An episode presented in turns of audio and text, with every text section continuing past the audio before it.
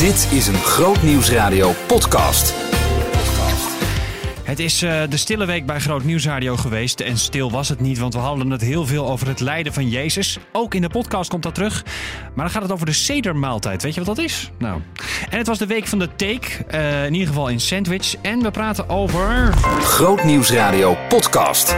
Met Maurits Reinoud. Ik zit te kijken naar wat het nou ook weer de derde onderwerp was. Uh, de sedermaaltijd hadden we, de take... nee, de week van de take. En dan hadden we uh, oh, natuurlijk, de Notre Dame. Die is afgebrand. Hè, hè?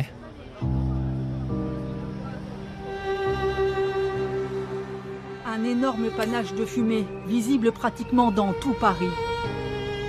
Notre-Dame est en feu. Ja, het, het, uh, het, vuur smult nog na in Parijs, in de Notre-Dame. En dan heb jij, Annemarie, meteen al uh, iemand die daar is geweest. Dat vind ik wel, dat is super snel, zeg maar. ja, maar dat vind ik heel, heel leuk, hè, als er nieuws is en je, je kan snel iemand spreken. Dat is super gaaf. Maar hoe krijg je dat? Ik ben altijd benieuwd. Hoe, hoe werkt zoiets? Hoe krijg je dat nou voor elkaar? Nee, dat, dat gebeurt op heel veel verschillende manieren. In dit geval was het vrij simpel. De appte een luisteraar naar de studio. Wanneer was en, dat? Uh, dat was, oeh, tijdstip weet ik niet meer precies. Maar dat was tijdens uh, jouw... Tijdens de uitzending. Ja? En die zei, uh, ja, over de Notre Dame. Want we moeten even voorstellen, het was de dag na de brand in de Notre Dame. Dus ja, precies. alle voorpagina's van de kranten. Iedereen had het alleen maar over de Notre Dame. Elk nieuwsbulletin ging alleen maar over de Notre Dame. Dus dat gevoel van die ochtend probeer je dan heel erg um, mee te nemen en te benoemen. Ja. En uh, toen appte een luisteraar naar de studio. Die zei, nou dus ook wat mijn dochter was daar gisteren nog met haar schoolklas. Ja. Uh, nou, en op dat moment heb ik die luisteraar teruggeappt van... Uh, joh, mag ik misschien haar nummer? En Ja. dat, dat duurde tien minuten. En toen zei hij, ja hoor, hier is het. En uh, ik heb die mevrouw gebeld. Die was nog in Parijs op dat moment. ja. Um, met Moest je een plaatje 50 schrappen dan daarvoor? Of, uh? Uh, dat weet ik eigenlijk niet meer, maar dat zou ik met alle liefde doen. In dit geval, in dit geval zou ik dat met alle liefde uh, hebben gedaan. Volgens mij niet. Um, en zij was nog in Parijs, dus ik, ik sprak haar iets voor acht uur was dat volgens mij. Toen zei ik, nou, kunnen we even bellen uh, na acht uur? Dat was prima en, en zo is het gegaan. Ja. Dus het was echt even spannend. Het was eigenlijk, ze hebben zitten twijfelen of we wel naar binnen zouden gaan. En achteraf bleek dat die rij maar 20 minuten was. En stonden we inderdaad toch 20 minuten later gewoon in die Notre Dame. Maar het idee dat je dus eigenlijk misschien helemaal niet naar binnen was geweest, dat is wel heel erg gek. En, en toen stond je daar, Rianne, jij als godsdienst- en geschiedenisleraar, ook voor het eerst in de Notre Dame. Ja. Wat, wat voor gevoel kwam er over je? Ja, het is, het is, heel, erg, het is heel erg bijzonder. Want je, je staat op dat plein en staat bomvol toeristen. En al die toeristen zie je ook gewoon allemaal die kerk ingaan. Maar eigenlijk zodra je die kerk binnenstapt, zie je, dan daalt er gewoon een of andere sirene rust daalt er over je heen. Het is er heel stil. Er was ook gewoon een dienst bezig in het midden. En de toeristen liepen daar heel rustig omheen. Dus alle drukte die je buiten zag, die verschrompelde als het ware op het moment dat je daar de kerk binnenliep. Dat was echt wel heel erg mooi. En, en dat was wat jou het meeste raakte. Uh, mm -hmm. Gebeurde datzelfde bij die 50 MAVO 3-leerlingen? Ja, ja, want ja, dan heb je gewoon zo'n groep die eigenlijk nog wel wat, met wat tegenzin haast. Want ze weer die rij uh, naar binnen gaat. En eigenlijk dat ze allemaal wel naar buiten kwamen, ook gewoon met het bijzondere. En dat je ze mensen kaarsjes aan zagen steken. En dat ze zelf ook kaarsjes hebben uh, aangestoken voor uh, mensen die hun dierbaar zijn of mensen die ziek zijn. En dat ze er eigenlijk ook zelf wel door werden geraakt hoe mooi en imposant het was. Jullie zijn op dit moment nog in Parijs. Ja. Jullie hebben het moment van de brand meegemaakt in de stad waar het gebeurde. En jullie ontwaken in de stad die nu ja, bedroefd is. Ontzet, hoe is dat? Ja, het voelt heel, het voelt heel uh, onrealistisch. We zijn er gisteren rond vier uur. Uh, reed ik nog langs met de bus. En toen wees ik ook nog naar alleen. Kijk, daar zijn we vanmorgen geweest. En toen was er nog niks aan de hand. En als je dan in één keer drie uur later dat op het nieuws ziet, dan denk je dat kan niet. Daar ben ik die heb ik net nog gezien en er was niks aan de hand. Dus dat voelt heel onrealistisch. En je hoorde de hele avond hoorde je die sirenes uh, hier door de stad galmen. Ja, het voelt heel onrealistisch om straks weer in de bus te stappen en hem misschien weer te zien. En dat hij er dan in één keer zo anders uitziet. Ik kan me zo goed voorstellen dat je als toerist daar bent. Dat je denkt, ja, wat is dit voor gekheid, joh. Eh, op het ene moment dan staat hij er nog en op het andere moment is hij afgebrand. Heel raar. Grootnieuwsradio podcast. Met Maurits Reinoud. Terug naar eigen land. Het is de take van de week. We gaan hem weer uitreiken. De award. Wat zeg je? Oh, wacht. Take 2. Het is de week van de take. En daarom had Nando in Sandwich een gesprek met uh, Arnold van Vliet van de tekenradar. Want hij is weer terug.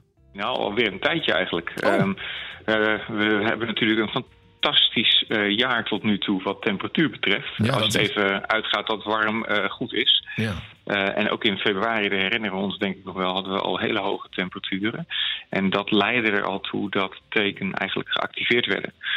Ehm, de afgelopen week zakte dat wat terug natuurlijk, met die voor ons gevoel eh, koude omstandigheid. Maar ja, het is toch echt nog maar half april. Ja. Ehm, al zou je dat aan de verwachting niet zeggen. Dus de temperatuurverwachting is natuurlijk eh, redelijk bizar voor deze tijd van het jaar. Eh, richting 25, 26 graden misschien wel. Ja, ook En komend weekend weer. teken ook weer. Ja, ja, Ja. En, en tot in de, de komende 14 dagen dat die weersverwachting vooruit gaat, blijft de maximumtemperatuur 20 graden of hoger. Ja, ja, ja. Ehm, dus volop lente. ehm, en dat zal eh, ook de teken activeren. Want we weten dat hogere temperaturen leidt tot meer tekenactiviteit. Ja, en de vraag is natuurlijk een beetje, op het moment dat ze dan weer terug zijn, hoe spot je die teken dan? Nou, bij de ene is het makkelijker dan bij de andere. Zeker inderdaad veel moedervlekken hebt of eh, nou, veel beharing of, eh, of een donkere huid. Dan zie je ze eh, wat lastiger.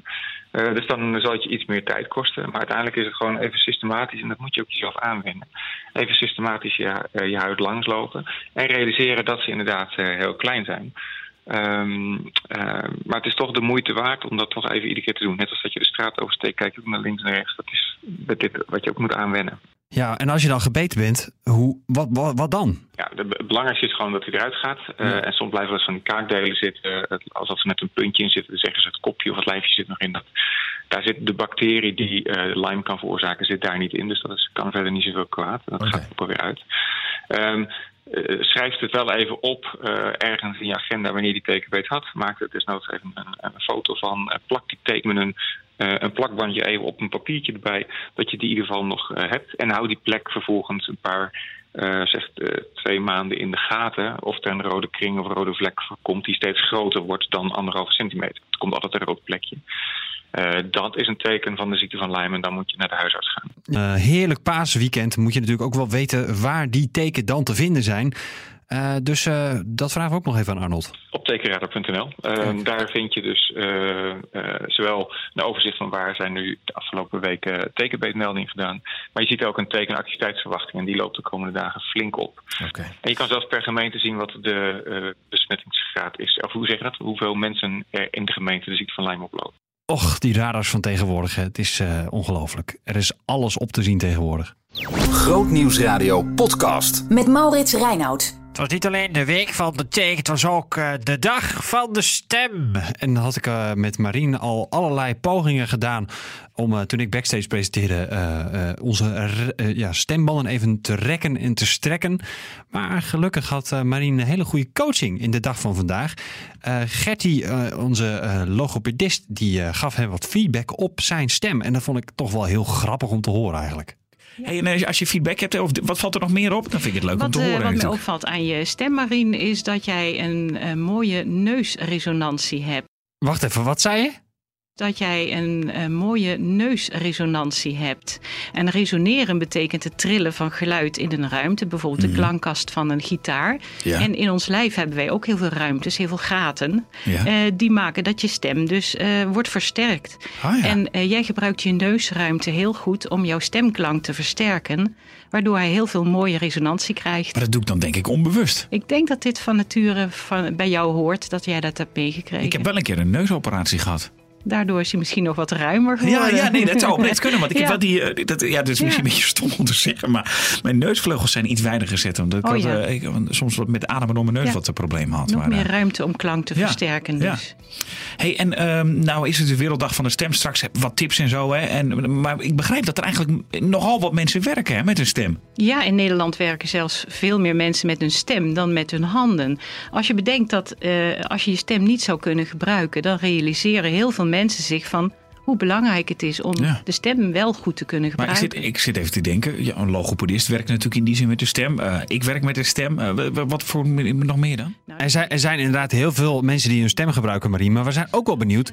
Heeft eh, Gertie nog tips? Wat moeten we doen om onze stem goed te gebruiken en wat niet? Als de stem niet helder is, als hij dus krakerig klinkt of hees is, dan is er dus een onvolledige sluiting van die twee spiertjes en dan ontsnapt er lucht en dan heb je dus een ongezonde stem, zoals we dat noemen. Oh ja. En je hebt natuurlijk ook bijvoorbeeld, eh, vroeger leren wij wel om niet te knijpen in ieder geval met je stem. Dat, je, anders, dat het dan zo dicht gaat zitten. Dat is inderdaad waar, maar doe dat maar eens eh, als je niet weet hoe. Dus dat is best wel lastig. Ja, ik weet het ook ik niet meer precies hoe ik dat nou zou moeten doen. Maar Je kan inderdaad de spieren van je, je larynx, oftewel je strottenhoofd, eh, erg aanspannen. Je ziet dat wel eens aan de buitenkant, dat mensen van die opgezwollen nekken hebben. ja, ja, ja. En in dat geval is het ook heel goed om die spieren te ontspannen door middel van massage. Dus Ah, dan, ja. dan kun je dus een stemmassage laten doen. Ja. ja, en als het dan gaat om wat er vaak misgaat. Hè. Veel mensen gebruiken hem dus. Ik gebruik hem voor mijn werk. En Ja. de- we noemden net al het tal van beroepen. Hè. Dominees, docenten, noem maar op. Wat gaat er dan eigenlijk vaak mis? Wat zie jij? Het is vaak dat mensen te lang of te luid spreken. Of bijvoorbeeld veel kuchen, hoesten, schrapen. Want elke flinke hoest staat gelijk aan een half uur stembelasting. Dus Oh, het is ja. beter om niet te veel te hoesten in plaats van een slokje water te drinken. Als je last hebt van een kriebel of een slijmpje. Ja, toptips van eh, Gertie. Grootnieuwsradio podcast. Met Maurits Reinoud. En terwijl wij Pasen vieren als christenen, vieren de Joden de sedermaaltijd. Of tenminste, dat gaan ze dan gebruiken bij Pesach. Eh, en dus, ja, ik heb dat eh, wat research gedaan, want ik wilde met Pasen toch wel wat symbolisch koken. Dus ik heb mijn toevlucht gezocht in de lamsbout. Eh, omdat het lam is natuurlijk iets heel symbolisch met Pasen. Maar eh, de Joden die gebruiken de sedermaaltijd. En dat is een hele liturgische eh, gebeurtenis, zou je kunnen zeggen. Eh, heel symbolisch ook. Ehm, en Thijs en Ulrike die gingen eens even op onderzoek uit. Hoe werkt dat nou precies en hoe ziet het eruit? Dat deden ze samen met Jennifer Guetta. Ik wil even kijken naar wat we op tafel hebben staan. We hebben vier bekers met, met wijn. Nou ja, deze ochtend hebben we dan met eh, druivensap. Er is een, een, een cederschotel. Daar ligt eh peterselie op. Mirixwortel, het, het ei. Een soort ja, baksel van, eh van Thijssen vinden we daar ook. Daar komen we nog op terug. En al die, al die dingen die worden dus op een hele nou ja, symbolische volgorde gegeten. Hoe werkt dat dan precies? Eh, ja, er zit, een- ja, er zit een hele lijn. Eh, die kan je helemaal volgen. De belangrijkste dingen zijn wel het avondmaal vieren, de getuigenis vertellen en het herdenken aan de vrijheid en het lam. En eh, ja, in het boekje kan je dat een beetje volgen. Als je het hele, in die lijn volg je eigenlijk het bevrijdingsverhaal. Ja, en op een gegeven moment dan moet je dus een beker drinken. En dat is dan de beker van de uitleiding. Die moet je drinken terwijl je opzij leunt. Wat is dat voor iets raars? Dat is omdat in, eh, ja, in de tijd van Jezus was eh opzij leunen Romeinse tradities. Ja. De Romeinen waren rijk en die waren vrij. En eh, daarom gingen ze, die, al gingen ze zo leunend zitten, want dat was een teken van vrijheid. En ehm, dat, ja, ik weet niet of die traditie meer later eraan toegevoegd is. Maar het is wel leuk, omdat het uit de tijd van Jezus was het zo. Ja. En het wordt ook benoemd in, de, in het, tijdens in het avondmaal. De, de discipelen gingen leunend zitten. Ah, en dat zegt dus, we zijn vrij. Ja, Oh. dat betekent dat we vrij zijn. Ja, moet je, je moet ook maar weten waar dat inderdaad eh, vandaan komt. En die eerste beker, waar herdenkt deze beker aan? Dat is eh, de belofte van God die zegt: Ik ga jullie uitleiden. En dat is een prachtige belofte natuurlijk, die belofte van God. Eh, nou zit er in die maaltijd ook nog hygiëne-aspecten die toch wel interessant zijn. Zeker als je kijkt naar de tijd van Jezus, waarin hij het laatste avondmaal vierde met zijn eh, discipelen. Eh, traditioneel in Israël wordt op dit moment in de, in de orde wordt gaan, gaan ze handen wassen. De rabbijnen staan op van tafel. Twee keer tijdens Pesachmaal gaan ze handen wassen. Maar het bijzondere is dat Jezus het anders deed. Jezus stond op van tafel, letterlijk. En hij ging de voeten wassen van zijn discipelen op dit moment. En daarmee ging hij eigenlijk laten zien wat het betekent om geen slaven meer te zijn. Weer op het moment dat, om, te, om te illustreren dat we elkaar kunnen dienen. En eh, ja, dat was ook dat hele mooie verhaal van Petrus, die het niet wilde dat Jezus zijn voeten waste. En Jezus zegt dan eigenlijk tegen zijn discipelen, dat zegt hij ook tegen ons: van begrijpen jullie wat ik heb gedaan? Dat we geen slaven zijn van elkaar. Dat we elkaar mogen dienen en liefhebben. En dat dat belangrijker is dan fysiek alleen de handen wassen, zeg Ja. maar. Hoe wij dat doen eh, thuis. Eh, of als we een grote groep hebben, gaan we, is het te moeilijk om met z'n allen voeten te gaan wassen. Ja. Dat is een beetje. En het gaat niet om de handen of de voeten. Dat heeft hij eigenlijk gezegd. Het gaat erom om te laten zien dat je elkaar dient en Ja. elkaar lief hebt. Dus wij gaan dan op dat moment elkaars handen wassen en zegenen. En, eh, want een zegen is een soort ingieten van Gods liefde voor elkaar. Op dat moment denk je niet aan jezelf. Ja. En dat je echt eh, liefdevolle dingen over elkaar gaat uitspreken. Het is toch wel echt een hele bijzondere maaltijd hoor, die sedermaaltijd. En ik weet niet of ik het zou trekken om de hele tijd met eten bezig te zijn. En met van die symbolische gebeurtenissen. En ook dat dat dan een hele avond lang duurt. Maar het is wel mooi om even al die stappen zo eh, te hebben doorgemaakt. Het waren niet alle stappen, maar het waren even een paar highlights uit de sedermaaltijd. Dus met Jennifer Guetta. Komende week op Groot Nieuws Radio. Eunice, jij gaat eh, maandag, want dat is ook komende week, tweede paasdag, ga je naar Zwolle. Ja. Want daar is Simply Jesus, dat gaan we uitzenden. Ja. Eh, wat is daar allemaal te doen? Volgens mij heel veel. Ik heb echt gehoord, je verwacht het misschien niet, maar van een kapper tot aan nou, wat je ervan verwacht, mooie diensten. Um, maar dat vond ik zelf heel grappig om te merken. Ze hebben daar een, een grote verzorgde dag met eigenlijk gewoon twee grote diensten. Ja. David de Vos spreekt daar, er is worship. Nou, er is um, wat je verwacht van paasdiensten. Mhm. Mm -hmm. Maar daarnaast is er dus een heel groot kinderprogramma. Kun je naar de kapper? Daar is er een, een, een lunchprogramma. Dus ik verwacht daar, daar heel veel van. Dat okay. je daar heel veel kunt zien en heel veel kunt doen. Ja, Lucas presenteert het. Jij bent daar als verslaggever bij. Uh, maandag dus uh, de hele dag te horen. Uh, wat als je er niet bij bent? Dan kun je op dinsdagochtend luisteren naar een kleine terugblik. We maken een compilatie van de mooiste momenten van die dag. En dan dinsdagochtend, als je er vroeg bij bent, namelijk om kwart over zeven, dan gaan we daar een mooie compilatie van uitzenden. Oké, okay, lekker vroeg. En de rest van de week, komt er nog nieuws aan? Nou, we weten wel van een aantal dingen die gaan gebeuren. Het is natuurlijk altijd, hè, is niet te voorspellen. Maar af en toe weet je bijvoorbeeld dat het de week van het tweedehands textiel is. Ah. Ik heb daar persoonlijk heb ik daar heel veel, veel mee. Ik hou namelijk vooral van dingen doorverkopen. I know. Ik heb, ja, ja. Ik, sterker, ik heb vanmiddag weer een, een paar, uh, paar laasjes, zwarte laasjes die op, op mij staan te wachten om weer in een doosje te gaan. Ja. En dan verpak ik ze altijd een beetje mooi. En dan hoop ik dat die persoon daar heel veel plezier van heeft. Maar dat is het volgende week. De week van het tweedehands textiel.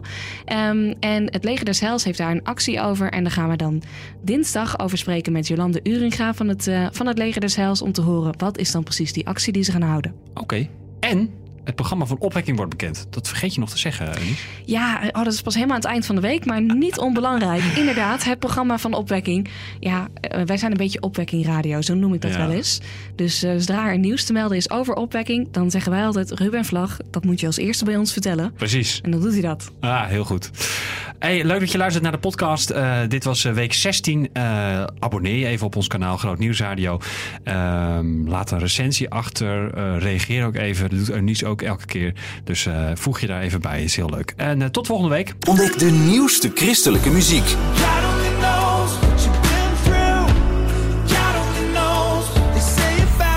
Elke dag opbouwend. Want ik weet hoe goed mijn God is. Ja, ik weet hoe goed mijn God is. Groot Nieuws Radio.